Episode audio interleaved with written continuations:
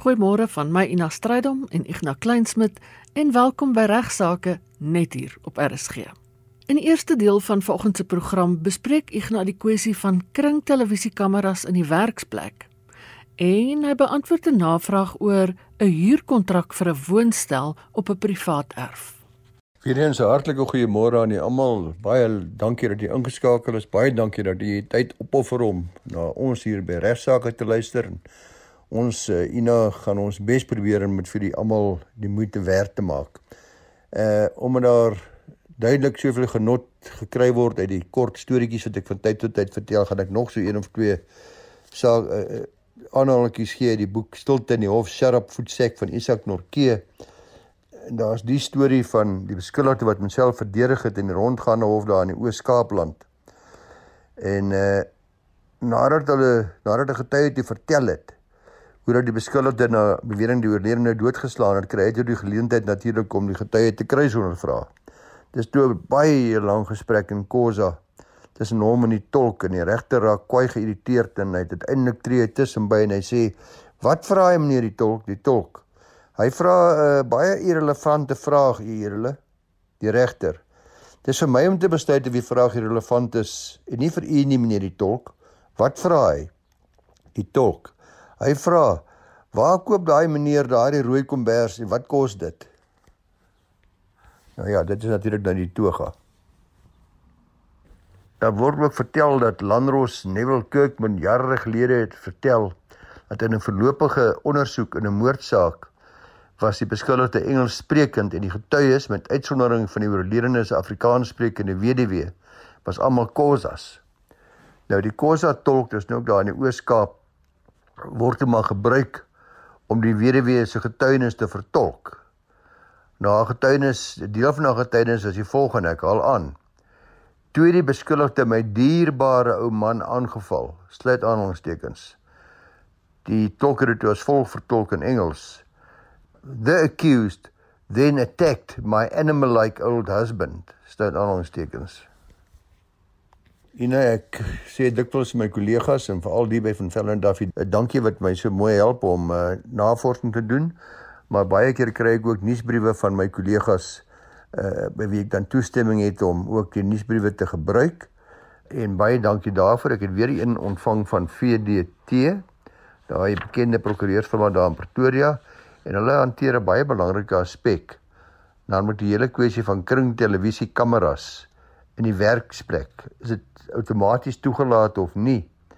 Nou kringtelevisie monitering is uiteraard 'n baie handige hulpmiddel vir die verbetering van veiligheid en om wangedrag in die werksplek te identifiseer. Veral wanneer mense later kry dat daar in sekere werksplekke of gebiede word daar gereelde diefstal of misdaad gepleeg. Die aanspreeklikheid van 'n werkgewer om 'n werknemer gedrag deur middel van so 'n hulpmiddel te moniteer is natuurlik egter nie onbelemmerd nie. Jy kan dit nie sommer net goed moet doen nie. En 'n werkgewer moet sekere aspekte in ag neem voordat 'n kringtelevisiesisteem of enige ander vorm van audiovisuele monitering van werknemers in die werksplek geïnstalleer word. Eerstens moet werkgewers bewus wees van die reg tot privaatheid van werknemers. Hierdie uh, bewaarde grondwetlike reg word ook verder verstewig in ander wetgewing en dit sluit in byvoorbeeld die wet op beskerming van persoonlike inligting, die bekende POPIA wet wat jy nou redelik ken.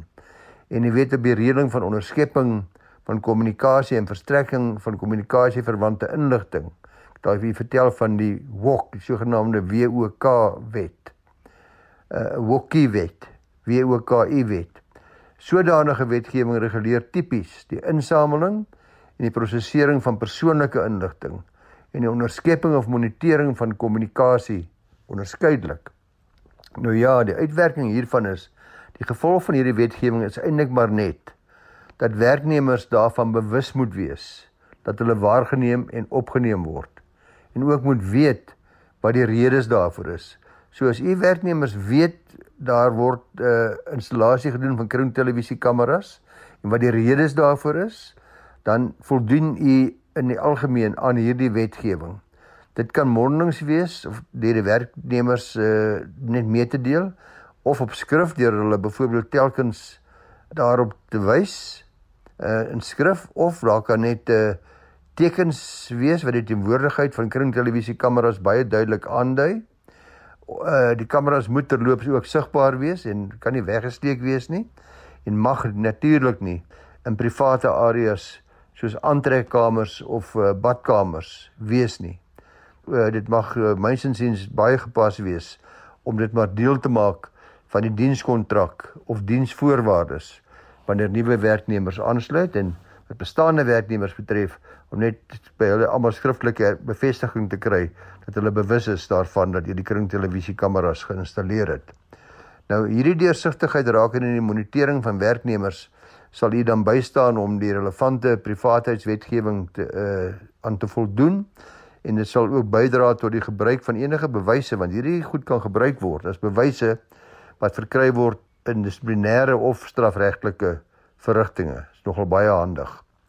Selfs die KVBA, die Kommissie vir uh, Bemiddeling en Arbitrasie, het bevestig dat werkgewers sekuriteitskameras in die werksplek mag installeer mits, let wel mits werknemers bewus is van die monitering.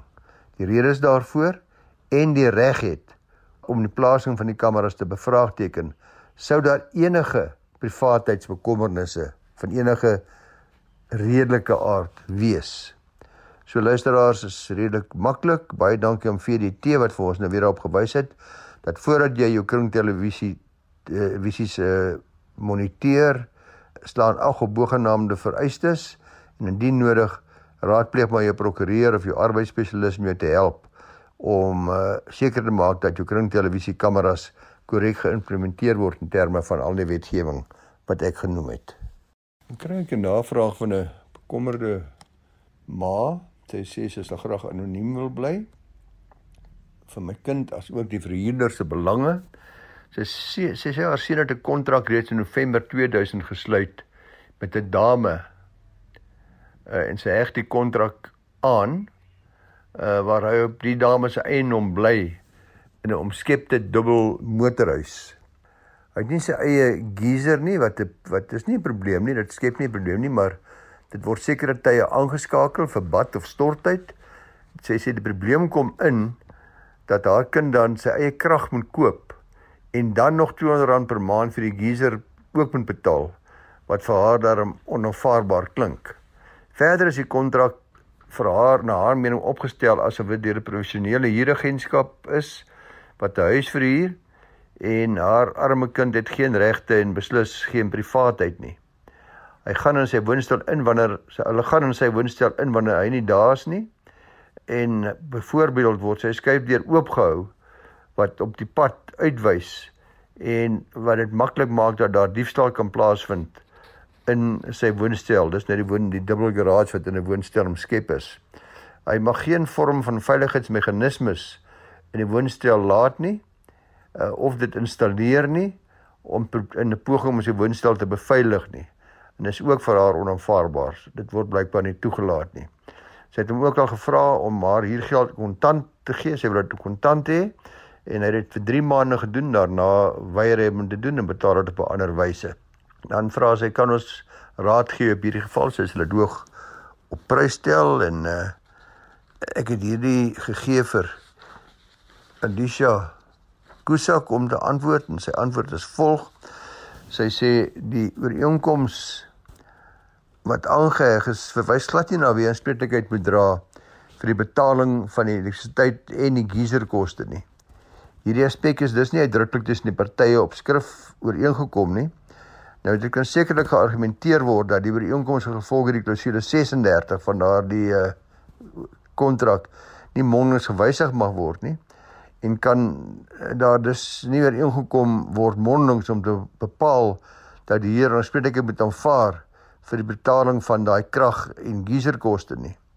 Nou uh, so argument sal steeds onduidelikheid laat oor wie aanspreeklikheid moet aanvaar vir die betaling van die huurder se kragrekening, maar dit is 'n aspek uh wat nie deur die wet gereguleer word nie en dit sal deur 'n hof gereguleer moet word. As hy weier om dit te betaal, moet dit in die kontrak uitgestip word nie. Uh, dan mag dit natuurlik tot 'n hofgeveg lei en dit kan natuurlik ook daartoe lei dat sy vir hom kennis gee en dat hy uiteindelik 'n lang uitgerekte geveg met haar betrokke raak, met die verhuurder betrokke raak. Dit sal dus die advies wees dat indien die huurder ontevrede is met die bepalinge rakende hierdie kragrekening en die geyserkoste, dat hy dit maar rustig met die verhuurder bespreek. In hierdie verband kan uh, die huurder bewys versoek dat die geyser nie aan uh, sy krag, sy elektrisiteit gekoppel is nie. Alternatiefelik versoek dat hy elektriesien 'n skatting maak vir albei se voordeel in opsigte van hoeveel uh krag hy regtig maandeliks gebruik sodat hy slegs daarvoor aanspreeklik gehou kan word. Maar in gedagte moet gehou word dat die geyser dan slegs vir sekere tydperke van die dag aangehou word dalk spesifiek net vir sy gebruik. Nou dan is dit ook so dat indien die huurder ontevrede is met uh, die hele huurkontrak en die ma blyk dat daar talle probleme en krapperigheidjies is uh, wat die ma nou vir ons oorskryf dan kan hy natuurlik uh probeer om met die kontrak te kom. Uh en hy kan in hierdie geval het die kontrak reeds die een wat aangeheg is geëindig op 31 Oktober 2021 en uh nadat die kontrak so termynkontrak geëindig het, kan 'n mens met een skriftelike maand kalendermaand kennisgewing uh jou hier beëindig. En dan kan hy maar 'n plek gaan soek waar daar minder spanning is en uh waar hy gelukkiger is. Uh hierdie advies is natuurlik onderhewig daaraan dat daar intussen nie 'n nuwe kontrak vir soortgelyke kontrak aangegaan is met die huurder met uh, wat wel 'n termyn is en uh, die huurder sal aanspreeklik wees vir 'n termyn van dan minstens 2 jaar as daar wel so 'n kontrak aangegaan is. Betrekking tot die huurder se privaatheid uh, kan ek verwys na sub na artikel 4 subartikel 2 en subartikel 3 van die huurbehuisingswet, dit is 50 van 1999 Gevolge hierdie behuisingswetgewing luisteraars het elke huurder die reg op privaatheid en 'n gevolge waarvan die verhuurder slegs sy reg op inspeksie. Dis nou om sy eiendom te gaan inspekteer in hierdie geval die woonstel in die dubbelmotorhuis of dit op 'n redelike manier met redelike kennisgewing aan die huurder mag uitvoer.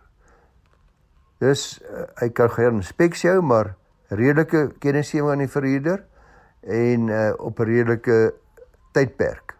Daar word verder bepaal dat die huurder die reg het dat so 'n persoon uh nie sy plek deursoek nie, dat sy persoon en sy woning en sy eiendom nie deursoek mag word nie. Dis die moeite werd om daarop te let dat geen persoon buite die bepalinge van die huurbehuisingswet mag kontrakteer nie. Jy kan dus nie in die kontrak gaan uitkontrakteer en sê, "Wie ek gee myself die reg om uh die persoon of die besittings of die woonstel te gaan deursoek nie. U kan dit slegs inspekteer om te kyk of dit redelik in stand gehou word. Dus indien die verhuurder nie voldoende kennis gee van hulle bedoeling om die huurderswoning binne te tree nie, is dit 'n oortreding van die huurdersreg tot privaatheid en kan dit daarop aandring dat sy woonstel deure gesluit word en wanneer die verhuurder dan wel wil inspeksie hou, dan kan sy vir hom kennis gee en kan hy sorg dat dit dan gebeur op 'n tyd wat vir hom en vir haar albei gepas is. Verder kan die verhuurder aanspreeklik gehou word vir enige skade wat aan die huurder se eiendom veroorsaak word weens die feit dat die verhuurder die woning sonder die nodige kennis binne gegaan het en daardeur soms op 'n nalatige wyse skade aan die huurder se eiendom veroorsaak het. Nie net dit sou kom bewys. Uh die huurooreenkoms luisteraars en uh, ons luisteraar wat geskryf het, asook wetgewing bevat geen bepalinge rakende hoe die huurgeld betaal word. Dit sê nêrens in 'n wet wat iewers dit moet kontant betaal word of per EFT betaal word of destyds toe cheque nog bestaan het per cheque betaal word nie. Nee, dit swyg daaroor. So die partye is vry om daaroor ooreen te kom soos hulle wil. Indien die huurgeld wel kontant betaal word, uh, geen probleem nie, maar dan moet die seun aandring op 'n kwitansie wat die dame vir hom uitreik. Maar indien hy nie kontant wil betaal nie, is daar ook geen probleem dat hy daarop aandring dat hy dit na rekening byvoorbeeld per EFT oorbetaal of op ander wyse wat hom beter pas nie. Ek hoop uh, die ma het 'n bietjie meer gemoedsrus en dit het ook vir ander luisteraars van nut is en dit is duidelik dat uh, ons hierdie probleem baie gereeld kry veral met studente woonstelle in universiteitsdorpe. Kan 'n mens afgedank word as jy jou siekteverlof misbruik? Nou, luisteraars, dink jy net nou in. Saterdagmiddag Die Springbokke speel teen die All Blacks as die finale toets. My beste pel het vir my 'n kaartjie gekoop. My biltong is net mooi so lekker klam droog. nat net soos ek dit daarvan hou. 'n Lekker stukkie vet aan. Ek het gehoor die bier op die stadion is altyd yskoud. My hart trek met 'n punt na die stadion toe te gaan rugby kyk, maar ek is aan diens, ek moet werk. Nou John Marie versluis 'n rapport vertel vir ons dat dit drie verhore voor verskillende arbeidstribunale en howe en drie appelregters geneem om te bepaal of iemand wat sy siekverlof misbruik om te gaan rugby kyk wel sy werk kan verloor. Nou uh, meneer Alexander Brian Hilton Alexander 'n uh, groot rugby geesdriftige daar van Jeffreys Bay se wêreld was 'n eindkontrakteur by Woolworths in Niemandsdorp. Hy het hom in 2019 in die pad gesteek nadat hy in werkstyd saam met sy pa van Jeffreys Bay na Port Elizabeth gery het om te gaan rugby kyk. Nadat hy vir sy lynbestuurder gesê het hy siek, hy kan nie kom werk nie. Ongelukkig vir hom was daar 'n klein probleempie. Iemand het hom daar by die rugby gesien en vir die werkgewer vertel daarvan en toe die volgende dag by die werk opdaag, het sy bestuurder gevra waar was hy en hy dadelik erken. Ja, nee, uit gaan rugby kyk. Hy verstaan hy gaan nie lieg nie sê hy het gaan rugby kyk. Hy was nie regtig siek nie. So bekentenis en daai bekentenis was in die opeenvolgende appelle nogal van groot belang.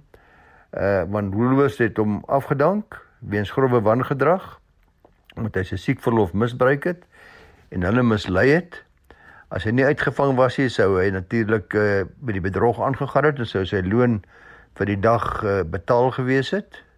En die maatskappy gesê Alexander weet dit sy afdanking by die KVBA, die kommissie vir versoening, bemiddeling en arbitrasie beveg, betwis en die kommissaris het bevind sy aan afdanking was onbillik. Uh, want hy dan nou dadelik eintlik alles erken en Woolworths het die bevinding na die arbeidshof toe geneem en 'n regter het uh, gesê hulle stem saam met die KVBA, hy die regter en die afdanking was onbillik. Hulle het nie gaan lê Woolies nie, Woolies nie en hulle is November verlede jaar na die arbeidsappelhof appel aangeteken en in Desember het 'n volbank van 3 regters na hierdie Woolworths appel na gekyk en hulle moes bepaal of die maatskappy geregtig was om Alexander af te dank. Regter Dennis Duwys het die vraag beantwoord, naamlik wanneer is die bywoning van 'n rugbywedstryd so erg dat dit 'n afdanking aktiveer. Duwys sê dan ook in sy uitspraak uh dat die arbeidshof en die KVBA se fokus op Alexander se eerlikheid al dan nie is nie die enigste kwessie voor die hof nie. Die eintlike vraag is of sy oneerlikheid voor die eerlikheid hom skuldig gemaak het aan grove wangedrag, soos dit Woolworths in hulle klag teen hom aangevoer het. Alexander het erken sy optrede was oneerlik en daar was weinig geskil het of onenigheid tussen die partye hieroor. Hy het boonop toegegee dat sy gedrag nie 'n goeie voorbeeld is vir sy ondergeskiktes nie. Regter Davies het gesê Alexander se oneerlikheid strek verder as die feit dat hy voorgegee het hy was siek deur te gaan rugby kyk, het hy goed geweet hy sal op oneerlike wyse 'n dag se loon verdien. En hy sou dit nooit weer geopenbaar het nie. Duwe sê die KVBA kommissaris se toegeeflike benadering teenoor oneerlikheid kan nie goedsmoeds toegelaat word nie. Alexander het 'n redelike senior pos gehad en sy oneerlikheid het 'n duidelike invloed op sy verhouding tussen hom en sy werkgewer. Die vertrouensverhouding weens sy onbetroubaarheid en oneerlikheid het verbrokkel en daarom was afdanking 'n geskikte sanksie, het Duwys bevind. So ons appelhof maak dit baie duidelik. Nie dat 'n man sy werk kwyt is omdat hy gaan rugby kyk het nie, maar eintlik omdat 'n man sy werk kwyt is omdat hy oneerlik was met sy werkgewer en ek dink die appelhof stuur 'n baie baie duidelike boodskap hier uit aan alle kommissarisse by kommissies vir versoening eh, vir bemiddeling en arbitrasie dat oneerlikheid nie geduld behoort te word nie en dit moet lei tot afdanking. En ten slotte vandag, wat is die regte en bevoegdhede van buurtwagforums? Ene John Villiers skryf 'n baie goeie artikel myns insiens. Die naam van die artikel is Don't mess with neighborhood watches. dink almal wat van u wat deel is van buurtwagte of wat buurtwagte in die omgewing het, se ore sal nou gespits wees want heel dikwels kan 'n plaaslike buurtwag vir buurtwag forum ons redding wees teen misdaad en ons lewens red. Onlangse opstande spesifiek in die KwaZulu-Natal area het daartoe aanleiding gegee dat uh, verskeie gemeenskappe saamtrek, dat paaie afgesper word, dat uh, burgerlike arrestasies uitgevoer word deur lede van sogenaamde buurtwag forums. Hoewel hierdie aksies uitgevoer is ter beskerming van mense en van hulle families en hulle eiendom en plaaslike besighede, het dit ook al baie wenkbroue laat lig. Verskeie lede van die publiek terloops het al baie kritiek uitgespreek oor die feit dat hierdie buurtwagforum se aksies nie streng genoeg gereguleer word nie, dit dikwels hande uitdruk, dat dit dikwels daarop neerkom dat mense reg in eie hande neem. Nou hierdie kritiek moet egter sê meneer uh De Villiers, John De Villiers met 'n knippie sout geneem word en daar moet in ag geneem word dat hierdie tipe forums grondwetlike reg het, dis reg het om te bestaan ook om hulle self en hulle eiendom te beskerm. Nou hierdie opstande of mens daai praat ook hier van looting wat in die land plaasgevind het, het weer eens die effektiwiteit en die krag van buurtwagforums bewys deur hulle baie uitstekende optrede om misdade te bekamp veral wanneer hulle hand aan hand met die Suid-Afrikaanse Polisie diens as ook private sekuriteitsmaatskappye gewerk het. En hy maak dan ook die punt dat hierdie buurtwagforums maar net nog 'n deel is om samewerking te gee aan die Suid-Afrikaanse polisie as ook private sekuriteitsmaatskappye. In die artikel deur eh, John Villiers uh, is hy van mening dat buurtwagforums 'n integrale deel van elke gemeenskap se publieke polisieering beleid behoort uit te maak spesifiek met die oog daarop om effektiewe misdaadbekamping te beoefen deur proaktiewe vennootskappe aan te gaan sowel as om programme aan te pak uh saam met die gemeenskap. Ek dink daarmee sal baie min van ons kan verskil. Hoewel daar sekerlik ook 'n argument uitgemaak kan word vir die vir die effektiwiteit van hierdie forums want almal is nie ewe e-, e-, effek nie, uh, effektief nie. Moet dit steeds tog seker deur ons luisteraars en deur almal erken word dat hierdie forums dikwels tegnies gesproke baie goeie werk doen en wat Nederwilliers betref is hulle ook regmatig. In hierdie verband word daar verwys na artikel 109 198 klein a van die grondwet van Suid-Afrika wat bepaal dat nasionale veiligheid moet die vasberadenheid weerspieël van Suid-Afrikaners as individue sowel as 'n volk as 'n nasie om as gelykes te lewe om in vrede en in harmonie te lewe om vry te wees van vrese en gebrek en om te streef na 'n beter samelewing.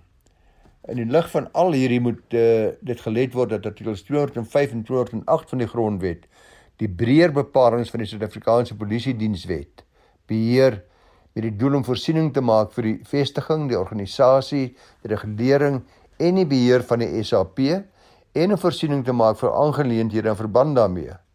Nou met verwysing na die laaste deel van uh van hierdie uh, artikels wat lui aangeleenthede ek haal aan aangeleenthede in verband daarmee sluit dalk sluit aan ons aan ons is een van hierdie aangeleenthede die vestiging van die gemeenskap polisieering forums in terme van artikel 18.1 en die doel van hierdie forums word spesifiek uitgespel naamlik eerstens die stig en, on, en onderhoud van 'n vennootskap tussen die polisie en die gemeenskap die bevordering van kommunikasie tussen die polisie en die gemeenskap bevordering van samewerking tussen die SAPS en die gemeenskap om seker te maak hulle is tevrede met die polisieering, die verbetering van polisie dienslewering aan die gemeenskap uh, op 'n nasionale en 'n provinsiale sowel as 'n plaaslike en uh, vlak, die bevordering van deursigtigheid in die polisie diens, die verantwoording van die polisie diens teenoor die heens die publiek, die bevordering van gesamentlike identifisering van probleemoplossings deur die polisie en die gemeenskap alle sake waarby ons sekerlik almal saamstem. Dit kan dus kortliks afgelei word luisteraars dat beedwagforums 'n grondwetlike reg is. Hulle het 'n grondwetlike reg om te bestaan, sowel as om onder 'n wettige plig te wees om die forums so te bestuur dat hulle die oë en ore van die gemeenskap is. Dat hulle nie self deel is van misdaad nie. Dit blyk dus ook dat wetgewing die bydrae van hierdie tipe forums baie baie duidelik in ons grondwet erken eh, en die voordeel wat hulle samewerking met die Suid-Afrikaanse Polisie Diens bied nie ongesiens verbygaan nie en ook nie geringskat word nie. Baie baie dankie aan al ons luisteraars wat hulle tyd opoffer en hulle kragte opoffer om deel te wees van hierdie buurtwagte wat uitstekende diens in ons gemeenskappe verrig. Dis dan al vir vandag. Van my Ina Strydom en Ignas Kleinsmid groete tot volgende week.